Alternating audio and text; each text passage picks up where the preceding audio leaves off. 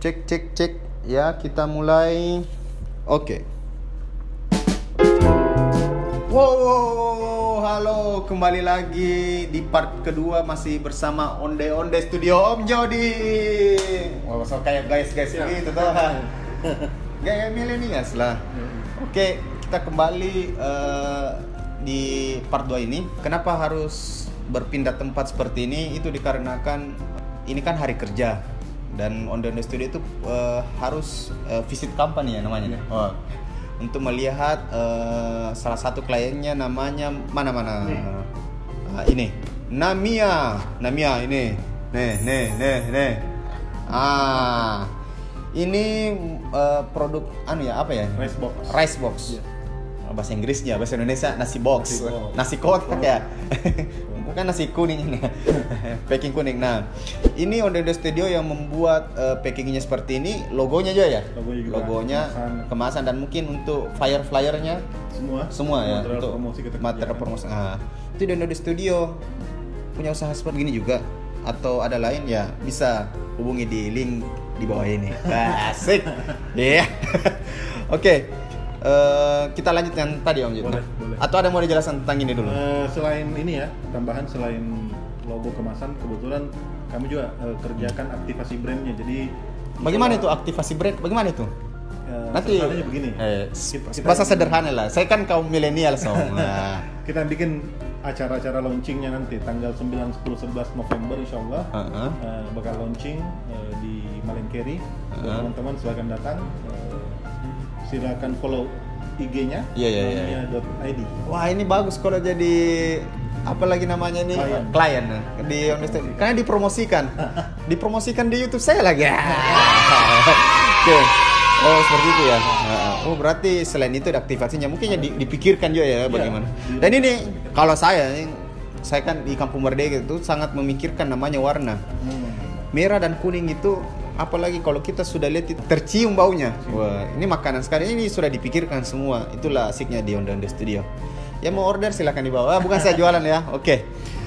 Eh, tadi eh, kita sempat terputus eh, di part 1 itu karena kan tiba-tiba hujan deras sekali. Dan itu sangat mengganggu sekali Audionya. Nah, eh, tadi kita mau cerita tentang eh, Om Jody di mana dia mulai usaha Ondo Studio itu dari bermodalkan laptop yang dipinjamkan Iya. yang dipinjamkan yang berniat untuk dibayar. Wah, kan biasa orang dipinjamkan tidak berniat dibayar. Tapi ini syukurlah dan mungkin dari situlah sampai bisa rezekinya sam- bagus begini ya. Eh, jadi seperti ya tadi ada punj- pinjam di apa dipinjamkan dari tante, Aha. kemudian bermodalkan laptop itu dan eh, nongkrong di mana? Nongkrong di Orange Cafe Orange. BTP. Oh ya istrinya Khalid ya. punya. Oh, Khalid itu yang punya brand ini. Iya. Nah, Ini iya. Eh, sekarang berubah jadi ini iya. Nanti insya Allah saya juga akan ngobrol masukkan di YouTube saya eh, cerita tentang Khalid eh, perjuangannya eh, ya lumayan. masih muda, masih Masih muda. dengan para audiens. Jadi katanya itu Om Jody dia modal 20.000 ribu saja tiap hari ya. Tiap hari. Sam- uang uang uang Ah. modal kerjanya lah. Modal Uang kopi kerja. dua puluh ribu tiap hari. Oh, Dan 20.000. itu berlangsung hampir satu tahun. Mahal juga kopinya. Saya rasa kalau itu hari sudah kopi Tambah- tambah pisang goreng. Oh, ada pisang goreng ya. Eh. Terus desainnya dijual ke mana? Pada saat itu karena kan basis eh, pada saat itu saya Hmm. mu- mulai belajar ketemu dengan satu komunitas awalnya namanya eh, bukan awalnya ya. Ada acara di Wisma Kalla Heeh. dari komunitas 99 Design. Jadi Apa? Nine 99 oh, Design. 99 desain. Oh, yang website itu ya untuk jual desainnya. Ya. Pada oke. momen itulah saya baru tahu Ah. setelah sekian lama saya mencari saya baru tahu bahwa kita bisa menjual desain ke Ah. luar negeri ke lewat internet. Pada momen itu saya tahu, saya tahu. Oh, iya, Sejak iya. saat itu saya jadi saya aja itu ngopi Oh. ke desainer-desainer beberapa orang. Banyak yang Makassar desainer. Banyak ternyata baru baru ketemu pada saat itu. Di Makassar itu banyak sekali desainernya Banyak hebat. ya. Semoga saya berkesempatan me- ngobrol sama desainer yang the legendnya. Ya, Ah, banyak, banyak sekali. Cuma Ya. banyak yang tidak mau kelihatan ya. Iya. Oke. Eh, se- setelah itu saya eh, ajak ngopi beberapa Ya. orang, saya intens mau belajar Hmm. gimana caranya menjual karya ke luar negeri. Nah, Oh, iya. itulah fase-fase perjuangan Mhm. eh, dan alhamdulillah ada eh, sampai pada titik di mana eh, saya berhasil ngehit angka-angka tinggi Oh. lah di, Dia beli dolar ya. di dolar. Jadi semakin dolar naik, semakin oke. Iya. Wah. Kita Turun dulu. oke juga. Ada tahu produknya namanya. Oke. Ternyata Supaya- karena kita di sini tiba-tiba diantarkan produk sini sini dulu. Ini ini ini sini. Saya hey, dulu penonton. Iya. Ini dia. Wah, ini dia dipikirkan sampai warna bajunya begini ya. Ya ini dia. Nah, ini dia eh, bajunya sudah dipikir jadi sama warna packingnya. Iya. Namia. Namanya siapa Mbak? Mia. Wow, nah pas ya. Pilih-pilih juga di. Produknya nih kayak gini. Oh ya ya. ya. Kasih dekat Om. Wah. Oke, makasih banyak Mbak. Ya. Terima kasih Mia. Makasih Mia. Sebentar pinde. Eh, ya sebentar. Masih sambil makan. Jangan dulu, sebentar pilih lagi. Jadi di 99 desain laku sampai di eh, Saya, di- saya, saya, saya tidak main di 99 Design. Oh. Saya mainnya di Microstock namanya. Oh. Jadi eh, tahu sadar bahwa ada ilmu itu dari teman-teman 99 Design, Uh-huh. tapi saya malah ke Microstock. Dan itu yang saya kerjakan dengan beberapa teman. Alhamdulillah berhasil lah mencapai angka-angka tertentu dalam dolar. Oh, gitu. Jadi artinya buat desain terus stok. Di- Nanti orang terluar biasa orang luar negeri belian ya desain ya. Dia beli desain kita kalau di sini ya. Apalagi sering dicaplok-caplok. Kampung Merdeka saya sudah banyak dibajak gitu. Mohon bersabar, ini ujian. Mohon bersabar. Terima kasih mas. Makasih Mas ya. Iya, kasih semoga eh, para desainer-desainer ini Dan itu peluang buat eh, ini teman-teman Hmm. penonton YouTube ya, Iya. anak-anak muda, anak-anak SMP, SMA. Iya. Saya saya kan juga ngajarin anak-anak nih di Iya. kantor ada anak-anak magang, Ah, anak-anak SMP, oh. anak SMA itu bisa magang. bisa, Oh. bisa. Jadi eh, mereka diajari gimana cara jualannya, gimana cara desainnya, gimana cara jualannya. Oh. Gimana caranya tuh? Gimana caranya untuk bisa magang di an- Eh, daftar aja. daftar aja di mana di Di link ini. Ah, oh des oh nanti deskripsinya penuh ini turun ya Terus link pendaftaran. oke kapan mulai menggarap untuk mencari klien untuk usaha-usaha Sebenarnya klien itu kan bertumbuh, jadi dari awal eh, terjun ke dunia desain Ah. ada nih klien sebenarnya, tapi Ah. kan proses bisnisnya berubah. Dulunya cuma jual desain toh jual desain toh, Ah. lama-lama menjadi partner gitu. oh Jadi ada pertumbuhannya gitu. Jadi set- tapi sambil jalan ini jalan-jalan sambilan jalan. Jadi ada ada dua yang dikerjakan. Onde Studio ngerjain di Ah. luar, ya eh di dalam negeri. Ya, Kalau ya. saya pribadi personal dengan ada satu tim Ah. yang ke luar negeri gitu. oh, boleh tahu siapa klien pertamanya ini Kalau Onde Onde Studio itu pertama ah, sekali ya pertama sekali justru bukan uh, Eh. perusahaan. Jadi ada teknik ini bagus juga saya Iya, iya, ya. iya. Ada teknik pro bono namanya. Jadi kita Heeh. Pada kan uh, seorang seseorang yang menjual jasa itu Iya. dia dikenal dengan portofolionya gitu. Apa yang dia sudah kerjakan. Oh benar. Jadi ini, ini kalau ini yang biasa dibahas kemarin Erick Thohir ya. Ya, ya. Dia Erick Thohir selalu bilang, selalu kata yang dikeluarkan adalah eh, track record. track record betul. Track record, track record. Dibangun Itu selalu dulu. diulang. dibangun dulu track Ah. recordnya di dunia desain waktu itu Om Andar Ya. eh, saya ingat saya dua tahun pertama itu Ah. banyak sekali komunitas yang saya ladeni Heeh. desain gratis Wih. gratis pokoknya Ah. kayak sama Om Supet itu cukup sering Oh, Supet ya? Supet, Eh, Supet PT-PT. Halo Supet. cukup Ya. sering eh, chit chat dulu di Twitter Heeh. kemudian TDA tentu Ya, ya. semuanya desainnya gratis Oh, iya. asalkan Tujuannya apa itu? Kenapa karena Promosi. gratis?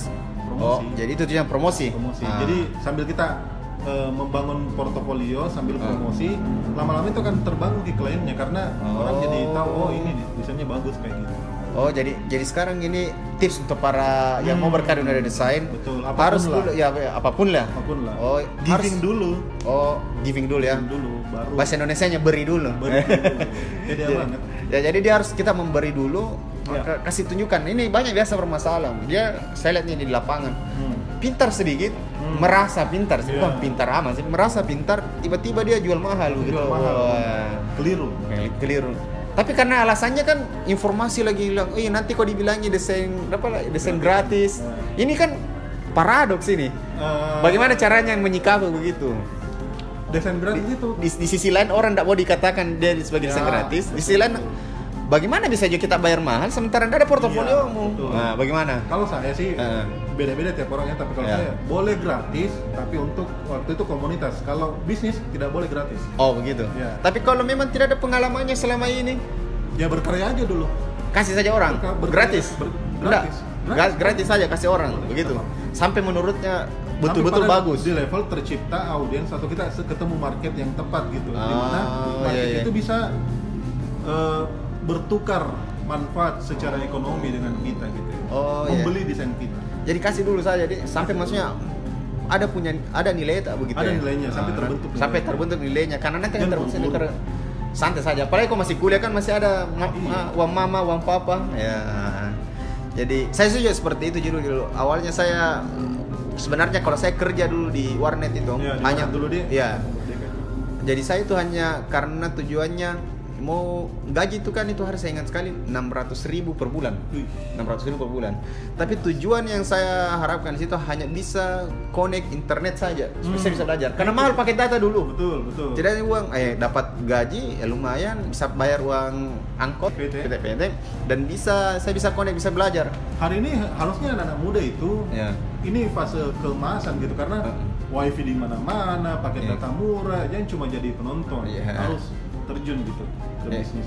itu bahaya memang juga artinya eh, sifat manja ini Dimanjakan, juga ya betul. dimanjakan juga itu yang membuat kita orang tidak survive Hmm. era ini harus memang punya keinginan kuat harus Hmm. punya api yang membara ini. Asik.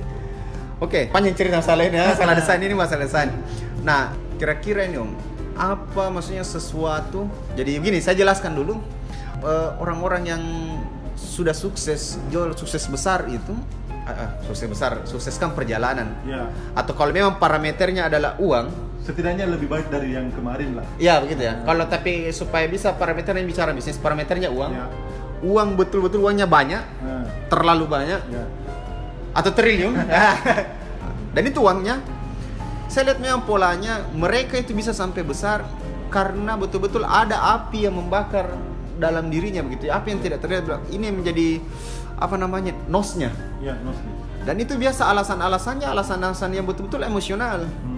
ada karena eh, apalagi sakit hati karena diputusin Hmm. Eh, dia mau menunjukkan ada juga sakit hati karena ditolak sudah sudah melamar Hmm. mau membuktikan ada juga sakit pokoknya rata-rata sakit hati Ya. kebanyakan ada juga maksudnya sakit hati pada masa lalunya karena dia terlalu menderita pada saat itu betul. saya sendiri melihat itu dia karena dia pedih melihat masa lalunya Hmm. bahwa dia tahu namanya tidak bisa makan Hmm. akhirnya dia mau melakukan itu Ya.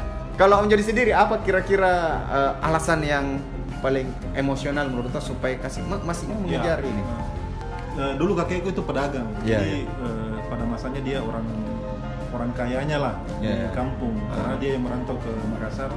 Kita punya kios di sentral Ya. dulu itu pada level dulu tuh sudah kayak mall gitu sentral. Oh, jadi, oke. tapi sayangnya kakekku ini yang sukses, sukses sebagai pedagang tidak diturunkan gitu kemampuan bisnisnya Ah. dan bisnisnya sendiri sampai di level saya, di level cucu gitu. Ya ya ya. Jadi berhenti di dia gitu. Anaknya melanjutkan, orang tua melanjutkan tapi tidak tidak benar-benar jalan gitu. Oh. Nah buat saya itu menyakitkan kayak gitu Iya, iya. karena begitu jalani bisnis, ternyata kita harus mulai dari nol lagi gitu. Harusnya yang dulu nih sekiranya Ah. terbangun ke jalannya Ah. bisa lebih besar. Ini mulai dari jalur yang berbeda lagi. Terus ada juga saya mau cerita anda. Ah. Saya pernah mengalami masa satu tahun itu pada saat benar-benar terpuruk ya. Ya. Saya makan Indomie satu tahun itu. Makan apa? Indomie. Indomie. Iya, Wah. Indomie. Jadi- itu panas, badanku panas nih itu. gara-gara hampir satu tahun makan Indomie. Sudah bauan itu dia apa micin nih? Bau micin. Kalau Ya. keringat kayak keluar itu pisin-pisin nih. Itu fase-fase sulit, fase-fase Iya. yang pada saat itu kan eh, memutuskan untuk berwirausaha dan itu berat banget. Nah ini om banyak orang biasa tidak melihat fase-fase sulitnya. Yang Iya. diceritakan biasa kan kisah sukses-suksesnya. Dulu kering, kurus Iya. kering ini. Oh gitu, Nah, beda sekarang ya. Beda. Wah. Jadi itu masa itu setahun Indomie saja. Karena sulitnya apa itu? Ya hampir setahun penuh Hmm. saking sulitnya Oh, ekonomi. Wah. Jadi ini maksudnya Om tahu rasanya ini berat sampai bilang mau harus ini berhasil ini. Harus bisa harus berhasil eh, berhasil dalam bidang kita ya Iya. dan harus membagikan pengalaman kita ke Ah. anak-anak muda kayak anda-anda ini Oh ya, kayak kamu-kamu ini. Iya. Belajar. Belajar. Jadi Om begini. Hmm. Saya pertanyaan terakhir ini. Ini menjadi eh, keresahan yang ada di kepala saya juga tentang eh, kan banyak nyuruh nih Hmm. eh, apakah para tukang, eh, tukang seminar sorry yang bawa seminar atau Ya, lingkungan di motivator. bisnis motivator Hmm. eh, atau pelatih bisnis kah, atau apa pun itu atau lingkungan para pelaku bisnis saya heran kenapa ada yang menyuruh fokus-fokus Hmm. kerja, fokus di usahamu, sementara di sisi lain orang-orang kaya itu tidak ada usahanya cuma satu. Ya, ya. Ah, ini saya dilematis. Bagaimana kira-kira pendapat Om Jody ini? Kalau saya sih eh, ini bukan pendapat pribadi sih, tapi Ya. karena saya juga belajar sama anda, Wah. sama banyak teman-teman ya. juga. Ya. Tiap orang tentu punya sudut pandang yang berbeda ya, tapi Ya. ada bagian yang saya setuju bahwa di awal memang kita harus Ya. fo- benar-benar fokus membangun Ah. usaha kita. Ah. Saya pun on dari situ belum berhasil menurut Ya, saya, ya. karena masih ada target yang harus kita capai. Perjalanan Tapi setidaknya se- lebih baik dari beberapa tahun sebelumnya. minimal tidak makan Indomie lagi ya, dan tidak sudah makan Indomie lagi ya. mau micin lagi ya. ya. ke depannya tentu sekiranya manfaat itu bisa lebih besar Ya. da- dalam bentuk membangun bisnis yang berbeda, Ah. bidang yang berbeda pasti ke arah situ. gitu. Oh. Tapi memang di awal harus fokus di awal. Di awal, Di awal. harus fokus pada itu. Ah benar. Jadi teman-teman kalau ada yang eh, lagi mulai berbisnis, fokus dulu, pelajari dulu Ya. bisnisnya seperti apa, eh, pelajari mentalitas sendiri karena terus terang begini. Jadi adik ipar saya no, Hmm. eh, dia kuliah di ekonomi. Hmm. Jadi s- saya sama eh, istri saya berinisiatif untuk bukakan eh, usaha minuman Ya, supaya tujuannya untuk melatih mentalitas gitu Ya. saya tujuannya. ya, ya. Soal nanti suatu hari nanti kau bikin bisnis lain daripada itu, minimal Ya. kau minimal tahu dulu bagaimana dunia bisnis itu, bagaimana perdagangan ini, bagaimana mengembangkan bisnis. Betul. Karena di situ nanti pelajarannya. Iya, Nah, bukan seperti di itu. kuliah. Bukan di kuliah. Ini bisa di lapangan langsung. Jadi dia bisa belajar akuntansi di kampusnya. Oh, beginilah Iya. akuntansinya. Mau manajemen kan dia tidak bisa dapat di kuliah bagaimana memanage karyawan. Iya. Karyawan lagi marah, eh marah, eh karyawan marah. Iya, bisa. Nah, bagaimana menghadapinya atau karyawan lagi ngambek itu beda-beda. Yang tidak diajarkan di kampus itu Ah. bagian domba-dombanya. Wah, Nah, ada tuh diajarin. Domba-dombanya nanti translate-nya di sini. Domba-dombanya. Iya, iya. Nah, Beda-beda itu mentalitas yang harus didapat di lapangan. Jadi teman-teman praktek aja dulu. Ya, seperti itu. Oke, cukup dulu eh, video kali ini. Nantikan di episode selanjutnya Eh, masih banyak lagi dan tolong subscribe, Eh, subscribe dan like. Eh, Channelku juga sukses. Tunggu dulu, saya dulu promo. Sama nyalakan loncengnya di sini. Iya. Oke, kalau mau eh, subscribe silakan apa? Eh, cari saja Om Jody O M J H Del Iya. eh, O, o M J H Ya. O Delta Yankee. Oh, Oke. Atau saya sertakan nih bahwa di, di deskri- deskripsi ini dan di isinya itu kontennya Om Jody itu adalah tentang belajar desain ya, desain. Oke, thank you Om Jody. Yuk. Sukses. eh, Oke, bye.